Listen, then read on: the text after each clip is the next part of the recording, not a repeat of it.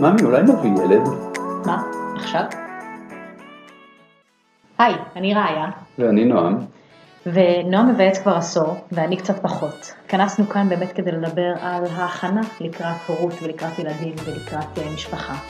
כי אותי זה מפחיד וגם מרגש, ואנחנו באמת עושים את זה בתור פרויקט אישי וזוגי שלנו כדי להתכונן ולהכיר אנשים בדרך ולשמוע מאנשים תובנות וחוכמות שלהם. אנחנו משתפים את זה פה כי אנחנו חושבים שאנחנו לא היחידים שמתמודדים עם השאלות האלה והמחשבות האלה. אנחנו יוצאים לדרך ונראה מה יצא, אולי בסוף גם יצא מזה ילד, ואנחנו שמחים שאתם פה איתנו.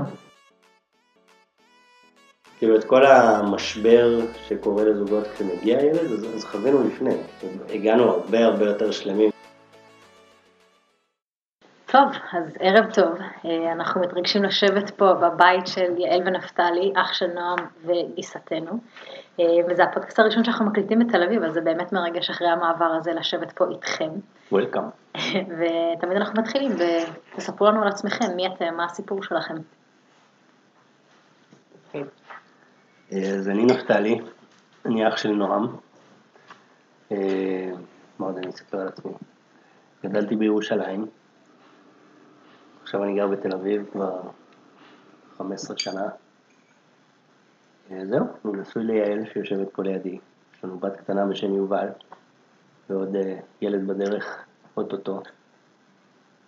זהו. אני יעל, אה, אני בת 35, ואני במקור מהרצליה, ולא זוכרת כמה שנים, עשר שנים האחרונות אני בתל אביב. אני ונפתלי נשואים שש שנים, עוד שנייה, נכון? במרץ יהיה שש שנים, או תשע שנים ביחד.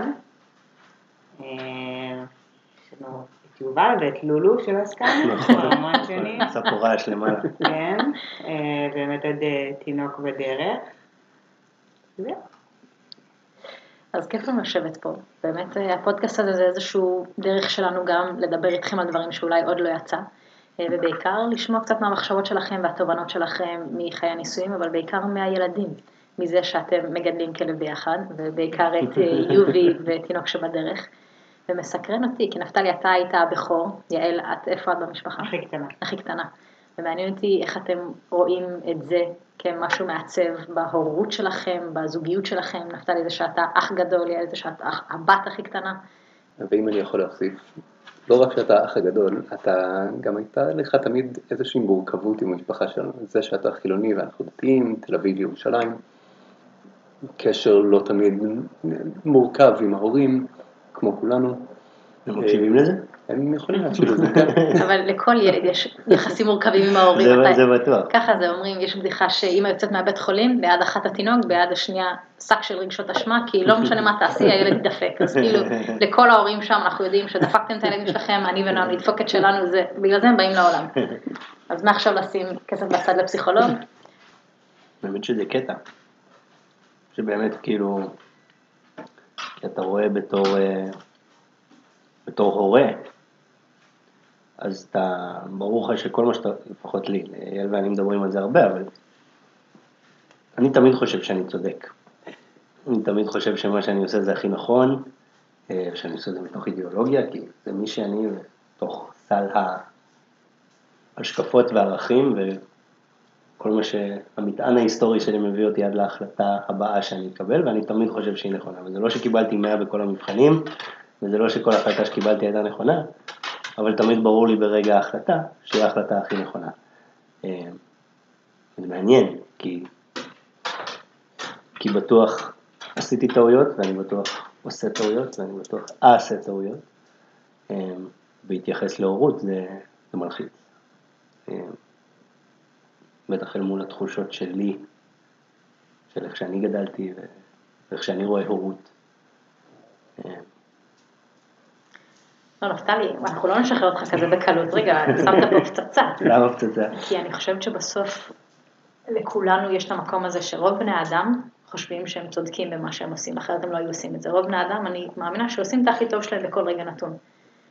ואני חושבת שבתור הורים המורכבות היא, שוב, אני לא יודעת, אבל אני חושבת שההורים תמיד עושים את הכי טוב שלהם באותו רגע, אבל לא בהכרח זה מה שהילד צריך או רוצה או מה שמדויק לילד. נכון, אז אני חושב שהאתגר הוא למצוא ההבנה, יש לי מלא מה להגיד על זה, אבל ההבנה של לא מה שאתה חושב שנכון, הוא תמיד נכון, לאחר, כאילו בין אם זה לילד, בין אם זה לחבר שלך, לעובד שלך, לבוס שלך, כאילו אה, לנסות לראות את ההשקפת עולם בצורה אחרת. אנחנו רואים את זה הרבה עם יובל, יובל היא ילדה מאוד מאוד דעתנית, והרבה פעמים קורה שמה שאתה רוצה זה לא מה שהיא רוצה, וצריך איכשהו להגיע לאיזשהו עמק השווה איתה. וגם אני חושב שבמיוחד בהורות, לך תמיד יש איזשהו אידיאל שאתה עובד לקראתו. כאילו, וכל מה שאתה עושה קצת עובד לשם, וחשוב להבין שיש איזשהו תהליך בדרך, ושזה לא רק, אה, אני זוכר את זה נורא, כש, כשהייתי מפקד של חיילים במסלול, אז בשבוע הראשון, ביום הראשון של טירונות יחידה, כבר דמיינתי איך הם אמורים להיות בתור לוחמים. והזחלתי אותם, וקידרתי אותם, וכאילו, שבסוף אין להם מושג מה אני רוצה מהם. ואתה צריך קצת לעשות איזושהי הבניה מסודרת של, ה, של התהליך, ואני חושב שאני מאוד נלחם בזה. אוקיי, זה בסדר שהוא יטעה עכשיו, זה בסדר שהוא לא יבין עכשיו, כי יש עוד ארבעת אלפים שלבים בדרך לפני שהוא יגיע למה שאתה רוצה, ויותר מזה, הוא גם לא חייב, לה, כאילו, זה לא כמו במסלול, הוא לא חייב להגיע לאן שאתה רוצה שהוא יגיע, הוא יכול להגיע לאן שהוא רוצה ללכת. אה, זה, לי זה נורא קשה לשחרר את הדבר הזה. רק אני מדבר פה, אולי... אה, אני חושבת, אני רוצה להתייחס בעצם השאלה שלכם, זה המקום של, ה, של המשפחה, אה, במיקום של, כאילו של, של הילד. אני חושבת שההבדל ביני ובין נפתלי, יש לנו המון, מאוד שונים. אה, יש לנו גם דברים שאנחנו דומים, אבל יש לנו המון דברים מאוד שונים, כאילו ממש באיך שגדלנו ובבסיס שלנו, ויכול להיות שזה גם חלק מאיפה כל אחד במשפחה, כי דווקא אחי הגדול הוא יותר טוב מנפתלי. אמ, ואני חושבת שאני יותר, אמ, אני לא תמיד חושבת שאני צודקת, ואני המון פעמים אה, אה, דווקא אה, יכולה לראות את הצד השני, ולהבין את הצד השני, אני מרחמת על הצד השני, כאילו זה אצלי תמיד כזה יותר מורכב, וגם להורים שלי, אני אף פעם לא ממש כעסתי, ואף פעם לא ממש מרדתי, וכאילו אני יכולה לראות את המורכבות של, ה, של למה משהו התקבל כשהם היו צעירים, כי אני מאוד יכולה לראות את זה בלי כעס, כאילו, לא כועסת. ואני מאוד מנסה עם יובל אה, להיות, אה, להיות כזאת, לא, לא להיות שיפוטית ו, ולחזק את החוזקות שלה. למזלנו, טפו טפו, באמת היא, היא ילדה נורא זורמת, ועם כמה שהיא דעתנית, היא, היא נורא שמחה ונורא חברותית, אז כאילו זה קל, כאילו, לפחות כרגע. זה אה, עם מעל ביטחון עצמי, זה, זה דברים שכאילו יותר נוח, אה, נוח לעבוד איתם, עדיין לא הגענו לשלב הזה ש, שמה עושים במקרים אה, של קיצון. אבל כרגע אני חושבת שאם יש דוגמה, למשל, סתם עכשיו התלבטויות, מה עושים אם לשלוח אותה לגן עירייה, והיא תהיה שם הכי קטנה. אז כאילו להשאיר אותה עוד שנה במסגרת נורא מחבקת, ושתהיה שם הכי גדולה, ואז יהיה לה ביטחון עצמי, ויהיה לה נעים שם, או דווקא לאתגר אותה, לשים אותה במקום שתהיה הכי קטנה. וזו שאלה שיש לה הרבה הורים לדצמבר, כי תמיד זה לכאן או לכאן. ואני ונפתלי מדברים על זה המון, וכל אחד מאיתנו מביא את החוויה שלו, נפתלי תמיד היה הכי קטן, ואני אה, דווקא בין הגדולות, אני מלידת ינואר, וכאילו, אנחנו נורא מדברים עלינו. אבל כאילו יש משהו שהוא כזה, פשוט רגע להסתכל על הילד, ו, וגם להגיד, אין מה לעשות, אין פה, אין פה אמת. כאילו, יש לזה יתרונות ויש לזה חסרונות, וגם פשוט גם לדעת לשחרר ולסלוח לעצמך, כאילו. זה מעניין המקום שאתם מדברים עליו של שחרור, כי אני חושבת שאני ונועם חווינו את זה ממש בטיול שחזרנו ממנו עכשיו. אה, וגם זה חלק מהמעבר לתל אביב, כאילו רגע לשחרר את המקום הזה ולהיות באיזשהו flow, במקום שאפשר לנשום ועל הים. וזה ממש מעניין, כי כשהצגת את עצמך אז אמרת שאת בת 35, ונועם גם חגג לפני חודש 35, ושאלתי... שבוע הפרש. כן. ו, וזה מעניין, כי אני זוכרת שהייתי בשיעור ביולוגיה בתואר, אה, ממש סביב יום הולדת 25 שלי, והמורה שלי אמר, ככה הוא עומד לפני כיתה של 100 אנשים, והוא אומר, כל, מי, כל אישה פה שמעל 24 שתתחיל להקפיא ביציות. ואני, אני ונועם עוד לא התחתנו נראה לי, והשכתי לו הודעה, ואני כזה, למה המורה שלי אמר עכשיו? ונועם כזה, טוב, תחזרי, נדבר על זה הערב. ואני זוכרת שכאילו היה לי איזשהו רגע של לחץ סביב זה. אה, וגם כשהתחתנו, כולם אמרו לי, נו, אז מתי אתם עם ילדים? כי נועם כבר גדול. וכאילו בראש שלי זה היה כזה, סליחה, מה זה אשמתי שהוא גדול? כאילו, למה מפילים את זה עליי? מה- למה זה קשור אליי? ו- וזה מעניין, כי, כי בסוף ביום הולדת שלו, אז כן דיברנו על זה שזה זה מורכב שהוא במקום אחר, וכל החברים שלו כבר עם ילדים, והחברות שלי אולי בילד שניים, ואם לא הייתי נשואה לנועם, אני לא יודעת אם הייתי עכשיו חושבת על זה. ומעניין אותי, אבל את דווקא מגיעה מכזה אוכלוסייה או קהילה שבה זה לגיטימי בגילך כן. להיות כבר עם ילד או שניים. זה שיש ילד שניים זה הזוי מבחינתי. כאילו שבגיל שלך יש את זה. גם, אבל גם בעיניי זה הזוי. כאילו, לי, אבל כי אני, דווקא נורמלי, כאילו אחותך. כן, כאילו, אני, מנסה להדביק את הפער, אבל אחותי, לא, יש לי זה- כבר עם לא, חמש בנות. זה זה ברור, אבל- אבל- אבל הנורמלי סביבך היה דווקא להיות עם ילדים כבר. ואני חושבת שבגלל זה היה לי את הרתיעה מהנורמלי הזה, כי ראיתי המון נשים שככה היה איזשהו ביטול עצמי ולא היה קריירה, ולי יש קריירה והיא חשובה לי, ושניכם גם מאוד קרייריסטים. ומעניין אותי, יעל, איפה את רואה את זה בעבודה שלך, כי את סופר מצליחה בעבודה ואת אחראית על מלא דברים.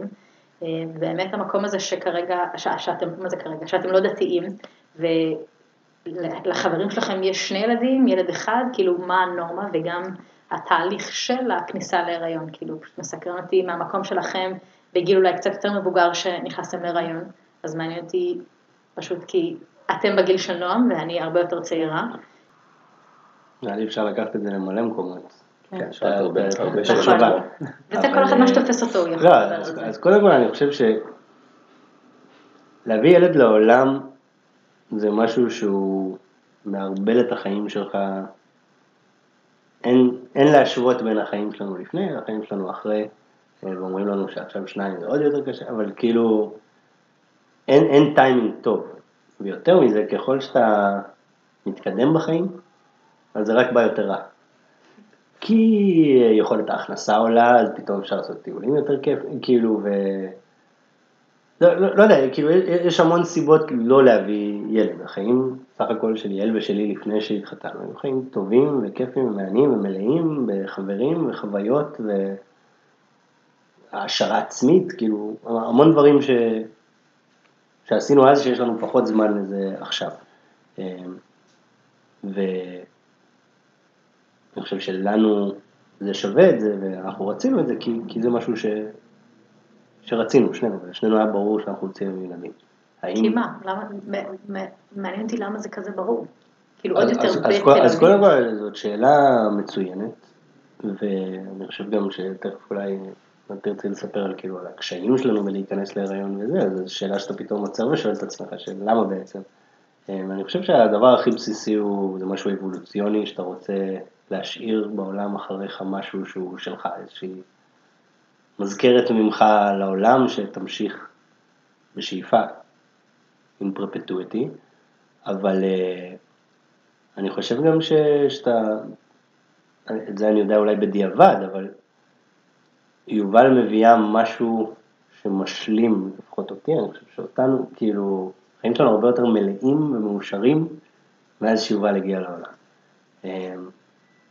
ה- היצור הקטן הזה שהוא כאילו תוצאה של הקשר שלי ושל יעל, זה דבר, אה, זה דבר מטורף. כאילו, זה ש... כאילו, יש פה בן אדם, עוד בן אדם שיושב איתנו בחדר שעוד לא פגשנו. זה, זה, זה מטורף, וזה זה ממלא אותך בצורה מדהימה. אה, ואולי את זה לא ידעתי להסביר לפני זה, אבל אולי משהו בלתי מוסבר היה שכאילו זה, זה משהו שאני רוצה ושאנחנו רוצים. אני ממש אוכל פה את הראש, בדרך כלל. הנה, לא תמיד רצית להיות אימא? אה, אף פעם לא אהבתי ילדים, כאילו, זה לא, לא שנאתי, אבל אף פעם, קודם הייתי הכי קטנה מכל משפחה המורחבת. אה, גם יש לי הבדל של עשר שנים ושבע שנים מהאחים שלי, זאת אומרת, יש לי בני ילדים גדולים. זאת אומרת, זה תמיד היה, לא היה לי גישה לילדים, אף פעם לא הייתי עושה בייביסיטר, זה כאילו, זה אף פעם לא היה עניין. אה, אז הפחיד אותי להיות אימא. כי אמרתי, מה אני, זה לא עניין אותי, כאילו, זה אף פעם לא, לא היה לי חיבור. תמיד רציתי משפחה, אני מאוד משפחתית במשפחה שלי. אה, זה דבר שהוא כוח לדעתי, ויש משהו שהוא הוא כאילו בסופו של דבר הכי חשוב, באמת, הדבר שהכי חשוב בעולם זה משפחה, זה איזושהי תחושה כזאת ש, שאתה שייך, שאתה שייכות. כאילו זה דבר ש... אה, שיש אנשים בעולם שהם שלך, ואתה שלהם.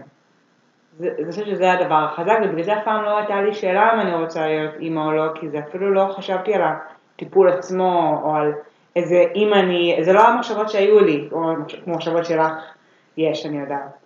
אמ, ואני רוצה גם לעזור לך במחשבות שיש לך. יעל, בשביל זה אני פה, יאללה. כן, אה, כי אני חושבת שהשאלות האלה הן נורא טובות, אבל הן נורא, הן הן נורא מלחיצות. כי בסוף, כמו הרבה דברים בחיים שהם גדולים, אז תמיד שנורא נורא מתעסקים בהם לפני, זה הרבה יותר, בסוף הדברים קורים ואת ואת זורמת איתם. ובסוף יש לכם יכולת בחירה. יש לי חברות ש... כאילו שהן לא רוצות יותר להיות בקריירה ו- וכל כולם עם הילדים. יש לי חברות שכמעט לא חוזרות הביתה אחרי הצהריים והן נורא קרייריסטיות ו- ועדיין הביאו שלושה ארבעה ילדים. ו- וזה בסדר גמור והילדים שלהם בקשר מעולה איתם וגם זה תקופות. זאת אומרת, יש תקופות שהן כאלה ויש תקופות שהן כאלה ויש לי חברות שהבן זוג שלהם אף פעם לא בבית ויש לי חברות שדווקא הן נורא קרייריסטיות וה- והגבר הוא נורא אוהב להיות בבית ולהיות זה שמחכה. זאת אומרת, יש המון המון מודלים. ונורא קשה להחליט לפני איך את תהיי ואיך הקשר שלכם גם, אני חושבת שאני ויצא גם המון פעמים הופתענו אחד מהשני, אה, גם לטובה וגם לרע. זאת אומרת, ש- שציפייה של איך הוא יהיה ואיך אני אהיה.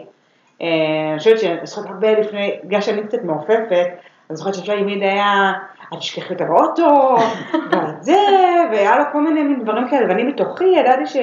שאני אהיה הכי טובה בעולם, אני באמת גם, אני חושבת שאני ממש טובה, באמת. אבל הדברים שהוא נורא נתן עליהם אה, חשיבות, והדברים שאני נורא נותנת עליהם חשיבות, של דווקא יותר במובן הרגשי, ולתת את היחס ולראות את הילד שהוא מולך לעומת הדברים האחרים, אז גם לומדים אחד מהשני. וגם כאילו, את לומדת לחיות עם בן אדם שהוא שונה ממך, וכאילו איך את רואה את עצמך, וזה כאילו מין זרימה כזאת. זה מין זרימה שפשוט קורית, כאילו שמהדברים ש... קצת כזה, כמו להביא ילד שני, נגיד עכשיו, אני לפני באמת אה, ילד שני, ואני מאוד מפחדת, כאילו איך זה ישפיע, ואיך זה פתאום אין רגע דל, כאילו זה לא כמו ילד אחד שאתה, שיכול להיות, אה, כאילו, כל, זה, זה כל עולמך, ו, וכל פעם זה מישהו אחד, אחד על אחד. עכשיו זה עם שניים, ובאמת אני ונפתלי, כאילו, נפתלי התחיל עבודה חדשה שהוא נורא נורא טוטאלי בה, ואני עובדת גם בחברה שבסוף אני רוצה להתקדם, ויש לי שאיפות, ואני מאוד קרייריסטית, ואני מאוד אוהבת לעבוד. כאילו, זה מלחיץ אותי, אפילו לחשוב על חשוב לידה מלחיצה אותי, כאילו, זה לא רק מרגיע, זה לא רק מרגש, כאילו. אז, אה, אז מדברים על זה, ואז אומרים, אוקיי, הכי הרבה, ניקח חזרה בתשלום. הכי הרבה, נעשה, כאילו, יש לכל דבר פתרון. אמ, הכי הרבה אמ, נדבר, נדבר ונדבר עד שנמצא פתרון גם בזוגי, איך כל אחד רואה מאיתנו את, אה, איך מגדלים ילדים, כאילו יש לנו גישות הרבה מאוד שונות, אני, חשוב לי מאוד להיות אחרי הצהריים, לפחות פעמיים שלוש בשבוע, כאילו מישהו מאיתנו, נפתלי פחות, אני חושבת שזה נורא קריטי, יש לנו המון המון דיונים, כל הזמן מדברים על זה. כן, זה מדהים, כי אני חושבת שאני ממש נזכרת בשיחה שלנו באיזה שבת חתונה שהייתה, שדיברנו על ילדים, ו- ואמרת לי, תעשי רשימה של כל הדברים שמפחידים אותך, ותשבי עם נועם ותחשבו איך תפתרו כל דבר. אני ממש זוכרת שדיברנו על זה, וגם פתאום ההבנה של וואלה, יכול להיות שהבייביסיטר שאנחנו נביא, או ה nanny שאנחנו נביא, תהיה פשוט מחמש וחצי בבוקר עד שעה וחצי שאני אוכל לרוץ וללכת לחדר כושר, ואז אני אהיה, וזה יהיה סבבה. אה, ובאמת לפרוט את זה, כי כשמדברים על רעיון מאוד גדול של וואי, מה יהיה עם הקריירה, זה כאילו נורא גדול נורא ואין. כלים להתמודד עם זה. וכשפורטים את זה, אז זה רגע יותר קל. אה, ו- ואני מרגישה באמת בנוח איתכם, ופשוט גם באמת מסקרן אותי איך אתם עברתם את זה, כי הרבה אנשים אומרים לנו שלעבור תהליכים של אם לא ישר נכנסים להיריון, אז כדאי לעבור טיפול זוגי. ואני ונועם עכשיו באיזשהו תהליך של להבין מה קורה, כי אני ממש זוכרת שמגיל קטן הייתי אומרת לאמא שלי, זה כזה בזבוז דם, שגוף האישה מוציא דם במחזור, כשהיא לא מתכננת להיכנס להיריון, כאילו למה ילדות בנות 12 מקבלות מחזור בדור שלנו? זה ממש זכור לי שאמרתי, זה בזבוז דם, אני מעדיפה שהדם הזה ילך לתת חמצן לגוף שלי בזמן שאני מתאמנת או רצה או עושה ספורט. אמ, אז גם זה לא כזה הפתיע אותי שלא קיבלתי מחזור סדיר ודברים כאלה. אמ, ובאמת, גם עכשיו, כאילו אנחנו באמצעי בדיקה להבין בייעוץ וכל מיני דברים כאלה. אמ, ואני מרגישה ש, שעכשיו אנחנו במקום יותר טוב, אבל כן, כשחזרנו מחו"ל, היה המון סטרס סביב זה. כי יש מושג יפה של ג'יימס קליר, שכתב את Atomic Habits, שמדבר על שינוי הרגלים, הוא אומר יש להיות בתנועה לקראת ההרגל ויש להיות בעשיית ההרגל. ולי מאוד קל להיות בתנועה לקראת משהו, לדבר על הריון, לדבר על זה, אבל בתכלס לקחת פתאום כדורים כדי ליצור ביוץ או ליצור מחזור, זה היה כזה לא, לא, לא, לא, לא. אה, ולקח לי זמן להבין שכזה, לא, עכשיו צריך להתחיל לעשות. ומעניין אותי מתי, איך זה השפיע על הזוגיות שלכם, אם אתם מרגישים נוח לשתף כזה על התהליך של הכניסה להיריון, כי אני ונועם עומדים לפני זה, וכזה, אני מרגישה שגם לא כל כך מדברים על זה, וגם כל אחד באמת עובר מסע מאוד אישי, אבל אני מרגישה ש... אני מרגישה שאנחנו מסתכלים עליכם וגם אתם עושים דברים מדהימים וכזה השיחות שלנו תמיד פותחות לי כיוונים ואם יש לכם איזה שהם עצות או כזה רגע הנחיה או אפילו להרגיע ולהגיד וואלה כאילו הכל יהיה בסדר גם אם אתם לא יודעים את זה. אבל כזה איך בכלל ניגשים למשהו שבאמת אני מרגישה קצת חסרת אונים בו מולו. כאילו כי ברוב הדברים אנחנו יכולים להשפיע אבל מה שקורה בתוך הגוף שלי כזה אני לא בוחרת את זה. וזה כאילו מלחיץ שרופא אומר לי משהו ואני לא יודעת, ואני פשוט תוהה איך מתמודדים עם זה גם בתור אישה, שזה הגוף שלך, וגם בתור זוג שכזה חולמים על משהו, ואז זה לא קורה בדיוק איך שרוצים. כן, זה קשה. אמ, אז כשהתחלנו להיכנס להיריון, אז אני חושבת שאני מאוד משימתי.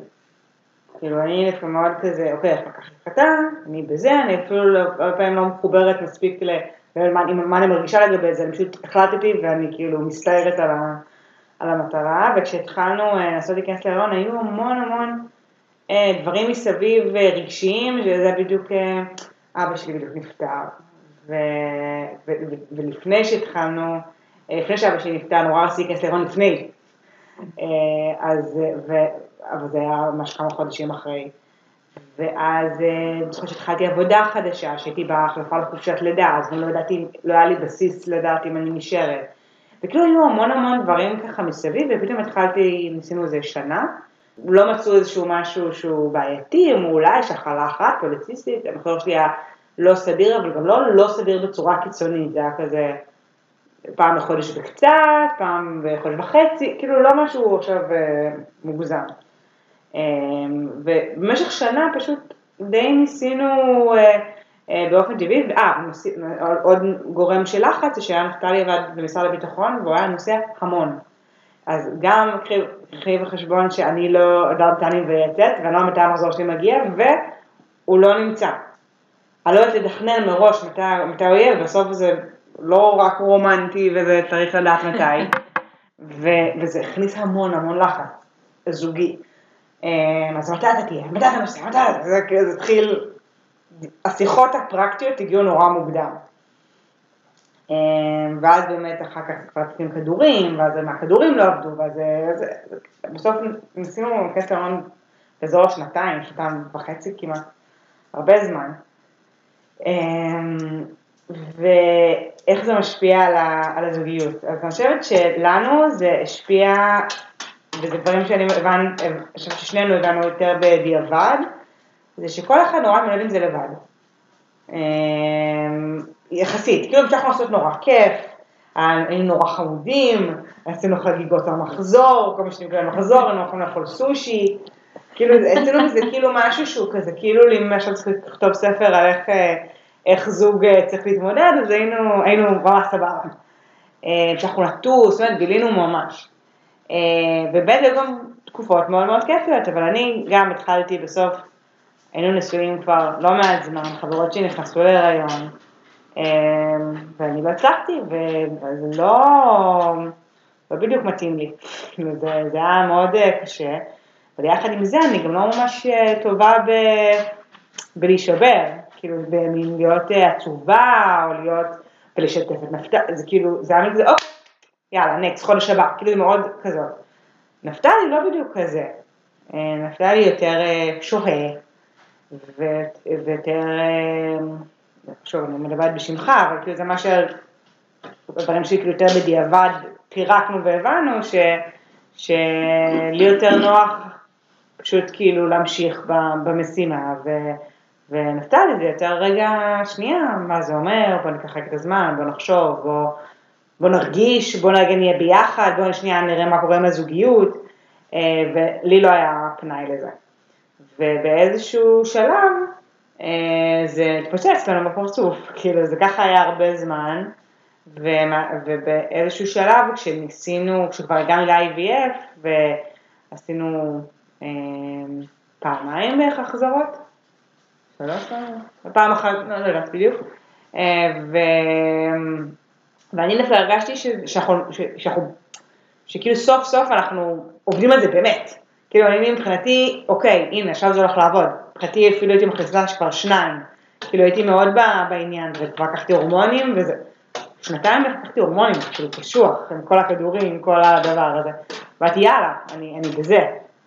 ואז, אמ, ואז כשזה לא עבד, אז נפתלי אמר, אה, הציע שניקח אה, הפסקה. כאילו הפסקה מהטיפולים. וזה היה המשבר הכי גדול שאני חושבת שהיה לנו אי פעם בקשר. כאילו, מבחינתי, אם שואלים אותי מה הדבר הכי קשה שעברתי בחיים, אני חושבת שזה היה היום הזה. כאילו, זה מבחינתי היה כאילו, מס, לא, כאילו לא מחובר לשום דבר שאני מרגישה, אה, הפוך מכל אינטואיציה מהצד שלי, כי גם, אה, או הציעה שנעשה הפסקה בלי תאריך חזרה. אז כאילו מבחינתי זה כאילו משהו שהוא, אני לא יכולה לדמיין אותו בתור משימה. כאילו לא הבנתי, אז מתי, מתי חוזרים, אין, אין תאריך, וגם פתאום מישהו מחליט עליי. שני זה משהו של שנינו. אז זה גם פתאום ההבנה שרוב האנשים אה, מתמודדים עם דבר, דבר שהוא משותף כשיש ילדים. אז אנחנו, כל המשבר הילד הראשון עברנו כאילו לפני. פתאום ככה של להבין מה, מה עושים בסיטואציה הזאת, ש, שיש אה, פה שתי דעות, אני לא יכולה להכריח אותו. וזה היה מאוד מאוד קשה. אה, וזהו, זה היה כזה חצי שנה שהיינו בהפסקה. בסופו של דבר נכנסתי טבעי להיריון. אה, אז כן, יש כאלה שאומרים, הם משחררים וזה, וזה קורה, לא יודעת להגיד. כאילו, מה הסיבה, ו- ולהגיד אם זה דבר טוב או לא דבר טוב, כאילו, ברור שיש משהו בלצאת רגע מה- מהלופ שהוא גם עושה טוב, מצד שני אני מאוד לא הייתי רגועה. כאילו, זה לא שהייתי, אה, כן, עכשיו אנחנו בהפסקה, לא. כאילו, הייתי, זה עשה לי לא טוב. לא להיות בתוך הדבר, אבל זה מאוד חיזק אותנו, אני חושבת. אה, מאוד לימד אותנו אחד על השני, ש, שכאילו הרבה זמן היינו במין, כל חודש לדבר על אה, ציפייה אכזבה, ציפייה אכזבה, ציפייה אכזבה, זה כאילו זה גם יכול כבר, גם הקשר הכי חזק בעולם, כבר יכול אה, לשבור. מה עזר לך להתגבר על הקרע הזה, או כאילו מה זה היום הכי קשה בחיים שלך? נכון. מה עזר לפתור את זה?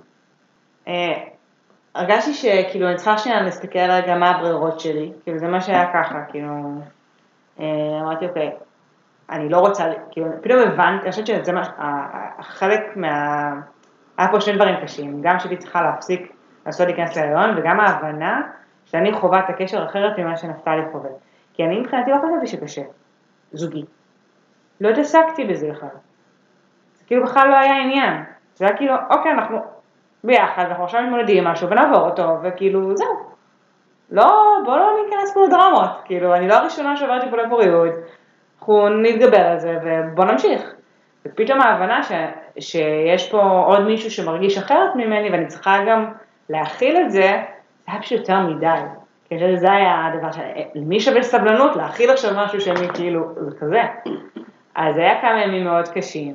אמ, כמה ימים, היה, זה חודש, מאוד, מאוד קשה, ש, שבהתחלה קצת זייפתי, כאילו של אוקיי, מין, יאללה, נראה לו שהכל טוב, כאילו, סבבה, יום אין כוח לחפר אותם, כאילו זה היה רק בוא נגמור עם זה, לא הבנתי גם את המשמעות של כאילו של כל הדבר, ואנחנו עומד לטיפול, ואני אחרי גם טיפול אישי, זה היה ממש כאילו מין סערה כזאת של שנייה רגע להבין מה קורה פה, אמ, ואז אה, ככל שהזמן עבר, אז זה פתאום התחיל להיות יותר אותנטי, יותר התקרבנו.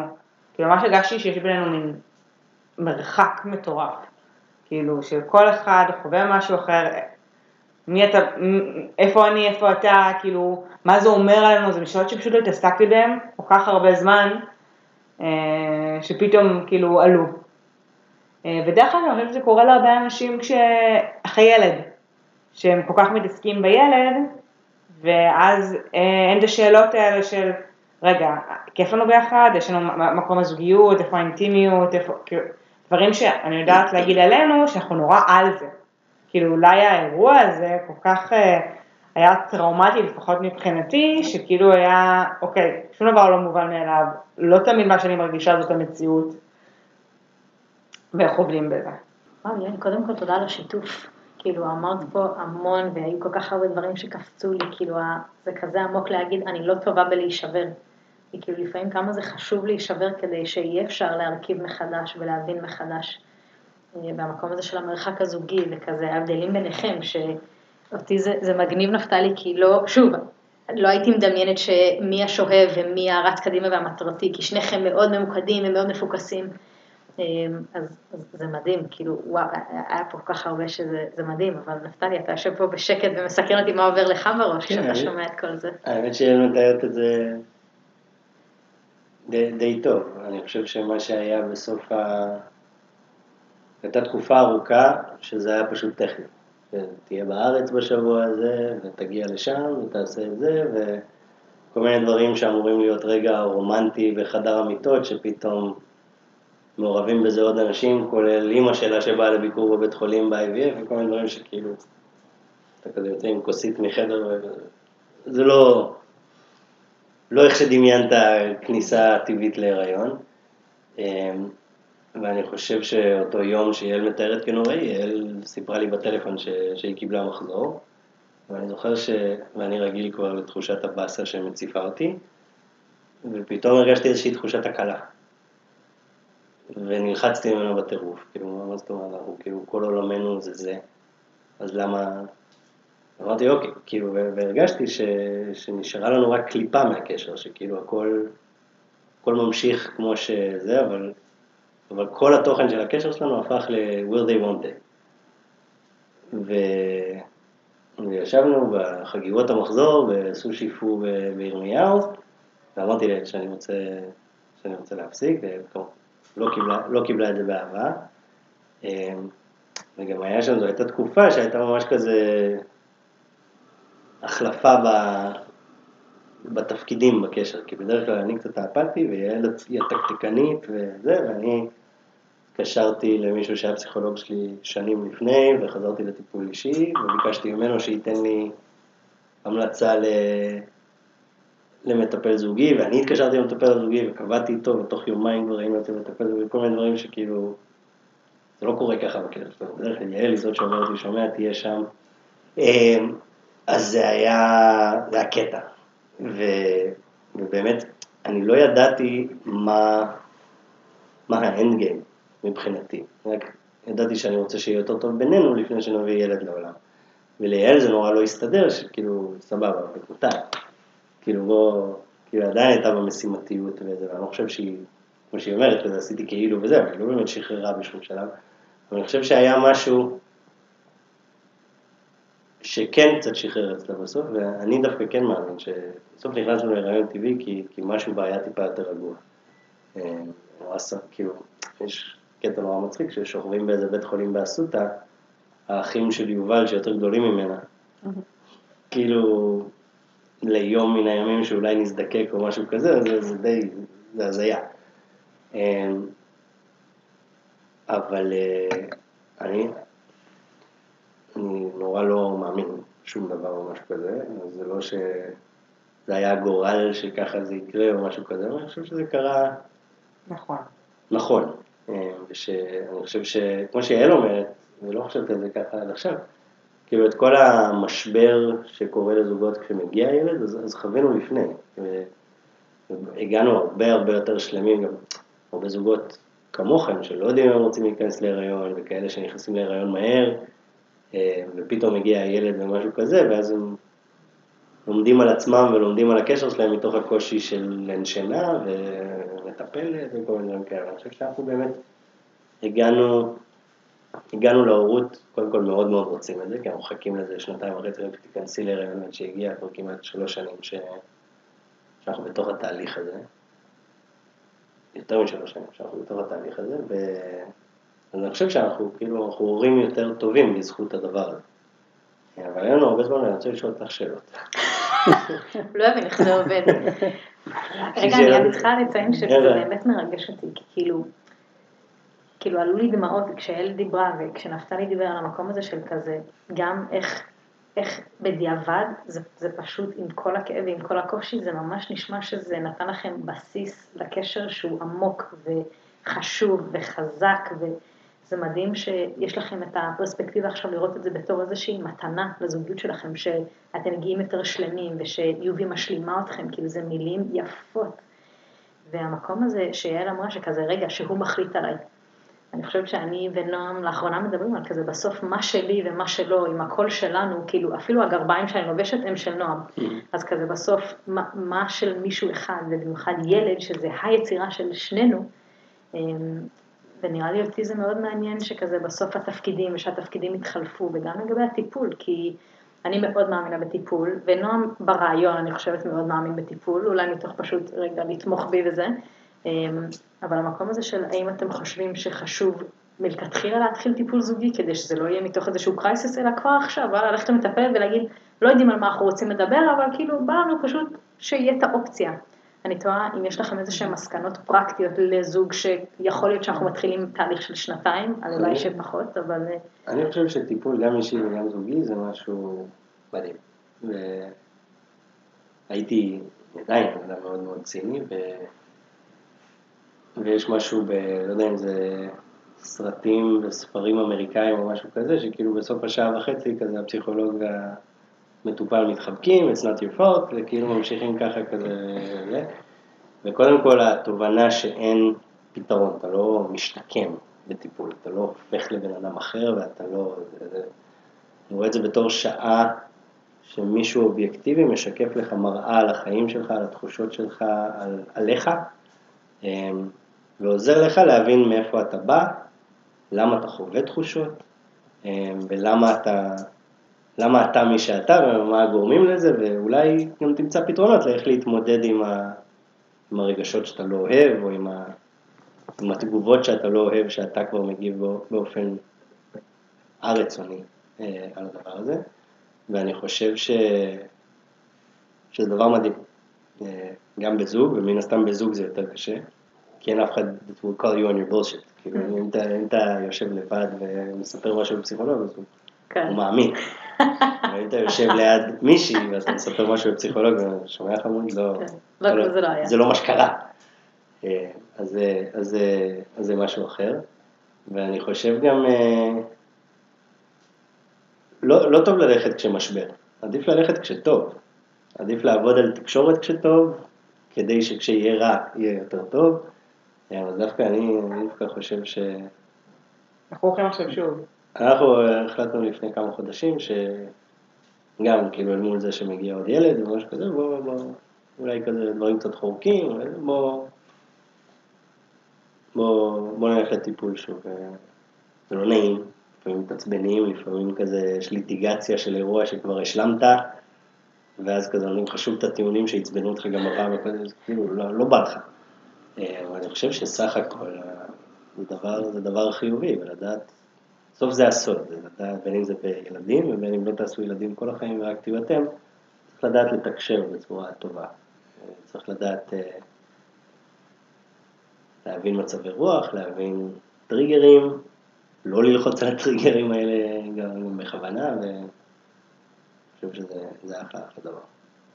אני, אני ממש מסכימה, ואני גם חושבת ש...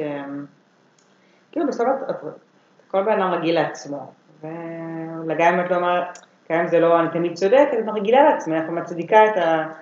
איך שאת מתנהגת, ובמשבר הזה שהיה, רוב החברות שלי היו כזה, וואי, באיזה קטע בכלל לא, כאילו, זה את שעוברת טיפולים, את ההורמונלית, כאילו, מה פתאום, כאילו, זה היה מאוד אה, דעות כאלה, וכאילו, גם, ואז פתאום אמרתי, רגע, באמת, כאילו, ב...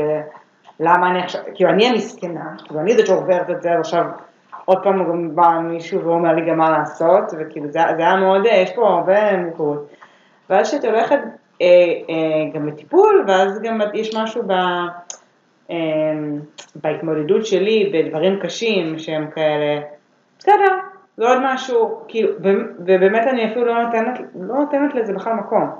זה עוד משהו שאני עושה, ואז יש משהו בטיפול זוגי שאומר לך, אוקיי, למה? ולמה זה ככה? ואז פתאום גם בן זוג שלך שומע את זה. כאילו זה לא תמיד מגניב, זה לא אומר רק כמה, איזה, איזה בן אדם אדיר את, איזה חזקה את, כי את יודעת להתמודד עם הקשיים של החיים. לפעמים זה מאיזושהי סיבה, וזה גם יש לזה השלכות. בצד השני, כי את לא מספיק מכילה, ואת לא מספיק, את לא רואה את כל המורכבות, כי לך יותר קל להתמודד בצורה מסוימת. אז אולי, אולי ניקח את המספר של הפסיכולוג, ואני רוצה שרגע נסגור את השיחה הזאת, כי אני חושבת שנפתלי, אם אתה רוצה לשאול אותנו, ואני חושבת שגם לי יש עוד הרבה שאלות, והזמן שלנו קצר, אז אני רוצה... כן, רציתי לשאול אותך, אתכם, כאילו, מה ה top שלוש של למה כן ולמה לא? יש בכלל שאלה למה לא? באמת לא? כאילו אמיתי לא? או פחד? אמ, לא, אני חושב שהגענו לשלב שזה כבר לא שאלה של כן או לא, זה שאלה של מתי או איך מתכוננים הכי טוב לשלב הזה. אני, אני חושב שהמתי הוא חשוב, אבל אין, אין טוב, כאילו אין טיימינג טוב, אין כזה טוב, אם אה, זה היה קורה לפני שנה זה עדיף, או שנה הבאה זה, זה תמיד יהיה, תמיד יש משהו. תמיד כדי. היה קריירה ועכשיו אתה בהתמחות ולפני זה היית בסטאז' אבל תציין את ההתמחות ופתאום תרצה לפתוח קליניקה פרטית ואת בכלל, כאילו אין, נכון. אין טיימינג טוב לדבר, בטח לא מבחינת עבודה ובטח לא מבחינת, לא, צריך לרצות, אי אפשר... אה, נכון, אבל אה, שוב, מתוך התהליך הזה כבר, אוקיי, שאלת אותם שאלה. התשובה? נכון, זה top שלוש, כן לא, אני חושבת. שכבר אין סיבה באמת למה לא. אה, ואני חושבת שהלמה כן זה בעיקר כי, כי אנחנו רק, כאילו אני הייתי בשוק של נועם בן 35, וכאילו הוא חווה את השוק הזה וגם אני. ורגע להתחבר למה שדיברת על, שנפתלי ואת הייתם במקום מאוד אחר, אז אני חושבת שנראה לי רק ביום הולדת שלך ממי נפל לי האסימון של למה היית כל כך עצוב. כאילו, זה היה יום עצוב, הוא לא רצה לדבר עם אף אחד, הוא לא רצה לצאת מהמיטה, הכנתי לו בלוברי מאפנס והוא כאילו, זה לא הזיז לו. ואפילו לא הורדתי את הכמות סוכר כדי לשמח אותו. וכאילו פתאום נפל לי האסימון באותו יום שישי, שתמיד ביום הולדת אנחנו יושבים וכזה מדברים על מה נולד לי מחדש השנה ומה אני רוצה שייוולד. פתאום קלטתי שאולי, אולי הוא אפילו לא יודע את זה, אבל אני חושבת שבתחושה שלי, הדבר שהוא הכי רצה שייוולד, והדבר שהוא הכי רוצה שייוולד, אז זה עוד לא קורה. ואני חושבת שזה היה איזשהו משבר סביב גיל 35, וגם זה באמת הניע את להתקשר לרופא, לקבוע אולטרסן, לקבוע בדיקות דם, להתחיל לקבוע דברים כאלה, כי הבנתי שכאילו, אני יכולה למרוח את זה עוד ולהמשיך לדבר על זה שנים, אבל כזה בסוף צריך גם להתחיל לעשות מעשים מהמקום הזה של, חשבתי שאנחנו בתוך הפודקאסט ביחד, ופתאום אומר לי כאילו, אני לא יודע אם זה מתאים להמשיך לדבר על זה אם אנחנו לא עושים מעשים. ורגע לראות שמה, אבל עד עכשיו היינו ביחד וכזה, והחשיבות של מה שאתם אומרים, של כבר עוד מלפני הילד, כל הזמן לעשות את הצ'ק אין של כזה, רגע, אנחנו באמת ביחד, או שאנחנו כזה בקווים מקבילים שעוד לא משיקים. וזה נראה לי ממש ממש חזק. מה אתה רוצה לשאול? לא, לא לשאול, לענות. אמ, אני חושב שיש עדיין top 3 של למה לא. אני חושב שהסיבות למה כן גוברות על הלמה לא. תקשיב, לנועם אין עיניים כחולות, it's a pretty big issue, כאילו זה issue. כן, במשפחה שלה. כן, מה היית אומר רגע, שה top כל שלוש? הילדים של מעיין ואישה. ושחר וזה, כן, כולם, כולם. כולם זה, כולם. גם הילדה של מלאבי גם איתה, גם? אבל היא כזאת חמודה. אבל איזה התחלה. מה היית אומר שה top שלוש? לא, top שלוש, א', כי מאוד טוב לנו עכשיו. כאילו, אין, if it ain't broke, don't fix it. כאילו, טוב לנו, כיף לנו, אנחנו במקום טוב במערכת יחסים, ב- בחיים, למה לשנות? יצאתם לטיול אחרי צבא בגיל 35. כן, תקשיב, לגמרי, זה זה חודשיים וחצי זה בחו"ל. לא משהו שאפשר לעשות בקלות, לא שאי אפשר לעשות. לגמרי, יש לי חברים שעברו לתאילנד לחצי שנה עם שני ילדים עכשיו. אבל אפשרי, זה יותר לוגיסטי. לא, אנחנו דווקא דיברנו הערב עם מישהי שאמרה שעם תינוק עוד אפשר מה שרוצים, כאילו, כאילו, בית חי, אין לו דעה, אין לו כלום. כשהוא כבר ילד זה בעיה. אה, אבל כן, גם המקום שלנו בחיים, גם הקריירה, בסוף את מאוד קרייריסטית, אני הייתי שמח להיות stay at home dad, אבל בחמש שנים הקרובות זה לא יקרה. אה, אז כן, הזמן שלנו יהיה מאוד מוגבל גם ככה, אז להגביל אותו עוד יותר עם תינוק, זה קשה. ואני אגיד שהשלישי, שאני חושבת שנפתלי ממש חידדת לי, שאמרת, כאילו, הרגשת שהזוגיות הפכה לקליפה. כאילו, אני מפחדת שאני אהפוך לצל של עצמי. כאילו שזה פשוט, שוב, אני יודעת שמינונים, ודיברנו על זה, וכזה, לא צריך להיות הכל כל הזמן, ואפשר לבקש עזרה, וצריך להיות טובים וגם לדעת להישבר. אמ, אבל כזה, אותי מפחיד שכזה, כל הדברים שאני הכי אוהבת בעולם, פתאום השתנו, וכזה, מפחיד אותי שאנחנו לא יודעים מה יהיה מחר, ואני כל יום בן אדם שונה. אבל כזה, לא יודעת, זה מרגיש לי, אין לי מושג איך הגוף שלי ייראה, כאילו הלוואי שאני אראה כמו יעל, שהיא נכנסת לחודש תשיעי והיא כאילו היא נראית עוד שנייה הולכת פה על אה, דוגמנות. ו... אבל אני לא יודעת, כאילו, מה, כאילו, פתאום אין לי את הוורידים ברגליים, כאילו, מי יודע, מה, מה, אני אעשה? הכל זמני. לא, אני אומרת לך, גם. את תרגישי שאת קליפה של עצמך, את תרגישי. כמה חודשים ראשונים. זה שוק. אחר כך, וזה, אמרו את זה לי, לא הבנתי, לא, קל מאוד להגיד את זה, מאוד קשה באמת להרגיש. אחרי כמה חודשים הם הולכים לגן, הם פחות קמים בלילה, פתאום את מתחילה להיזכר קצת בעצמך, באמת, את קמה בבוקר, פתאום כזה, יש לך שקט, יכולת לבית. אחרי, באמת, שמונה חודשים, זה לא הרבה זמן. זה לא הרבה זמן, שמונה חודשים, שנה, נגיד, את כבר, את כבר את. אז, אז יש לזה גם משהו נורא מנחם. אז נפתלי פה כבר על קוצים כי הוא, אה, יש לו לילה ארוך. אה, ותמיד בסוף הפודקאסט אנחנו קודם כל מודים לכם גם על הכנות והפתיחות וכזה הכנסת האורחים והכוס יין פה שנועם נהנה ממנו. אולי נצטרך פרק שני. לגמרי, אני ממש חושבת שנצטרך פרק שני. יש לך פה בתל כן, הפרצוף של נפתלי אגב, אה, עשיתי אחד נראה. אפשר אבל- אה, לא, בסוף אנחנו שואלים משהו אחד שאתם יוצאים איתו, שאלה, פתאום מחשבה שהתחדשה לכם. כי אני יודעת שאני תמיד שומעת את זה גם כשאני עורכת, ואז יום אחרי שזה יוצא שוב כשאני רצה בבוקר, אז אני שומעת את זה הרבה. אבל מסקרן אותי איך היה לכם בשיחה הזאת וכזה, מה אתם יוצאים מהשיחה הזאת איתנו?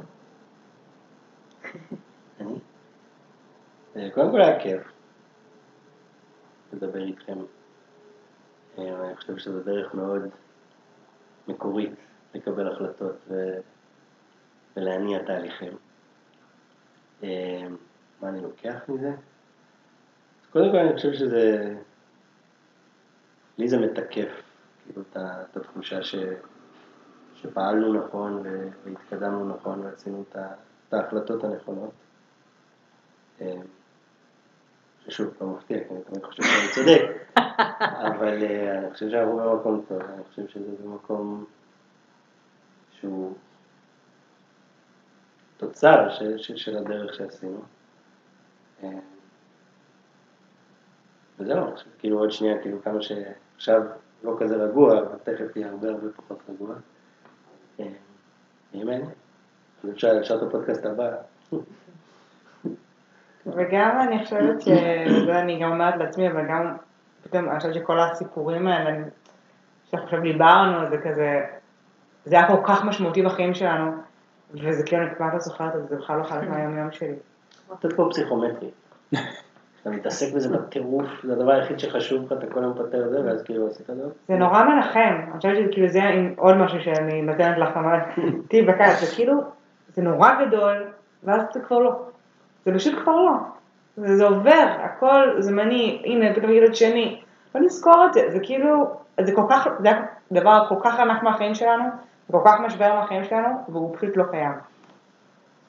וזה כאילו מטורף. מה אתה לוקח? אני חושב שזאת השיחה הכי ארוכה שהייתה לי עם נפתלי. לא, השיחה הפתוחה, הארוכה, באמת שזה כיף לי. אני מאוד שמח שעברנו לתל אביב, שעכשיו אנחנו יותר קרובים פיזית. גם אני כבר בילינו פעם אחת השבוע, מבלים שוב עוד יומיים. נכון. למדת? למדת על כן, השיחה הזאת? לגמרי. היה מאוד מעניין. תודה. אל תספר לאף אחד. בינינו. לי זה היה מדהים, בעיקר כי אני מכירה את נפתלי בתור אה, אח הגדול של נועם, וכזה מישהו גדול שבגיל של אחותי הגדולה, אה, וזה מגניב באמת לפגוש צד אחר שלך ושלכם. אני מרגישה שאני ממש פתוחה לגבי הרבה דברים, וזה מדהים אותי הפתיחות שלכם, ואני חושבת שזה מתנה לעולם לדבר על זה, כי אני חושבת שיש כל כך הרבה זוגות ואנשים שמתמודדים עם זה לבד, ולשמוע שזוג שיא המצליח שגר בתל אביב בבית מהמם ונראה מדהים, ופוסטר של תל אביב הולך לטיפול ועבר דברים לא פשוטים, והיה יום של שבר בסושי, וכאילו, אני חושבת שזה נותן איזשהו תוקף לזה ש, ש, שזה בסדר. כאילו, ואם יהיה פעם שאני אגיד לנועם, חלאס, אני צריכה הפסקה, אז יהיה לזה איזשהו מקום של, רגע, נפתלי, זה עבד וזה היה להם טוב, אז אולי אפשר גם לנסות ולמדל אתכם במקומות האלה. אז קודם כל, זה, זה ממש מרגיע אותי, יעל, כמו שאמרת, כאילו, זה מרגיע לדעת ש, שמישהו עבר את זה לפניי ושהכל היה בסדר. אז ממש ממש תודה לכם, ושיהיה לנו ערב טוב, ואני מקווה שאנשים, שזה ייגע באנשים, ושאנשים ידברו על הדברים ש, שעוברים על הזוגיות ועל עצמם. אז תודה. תודה רבה.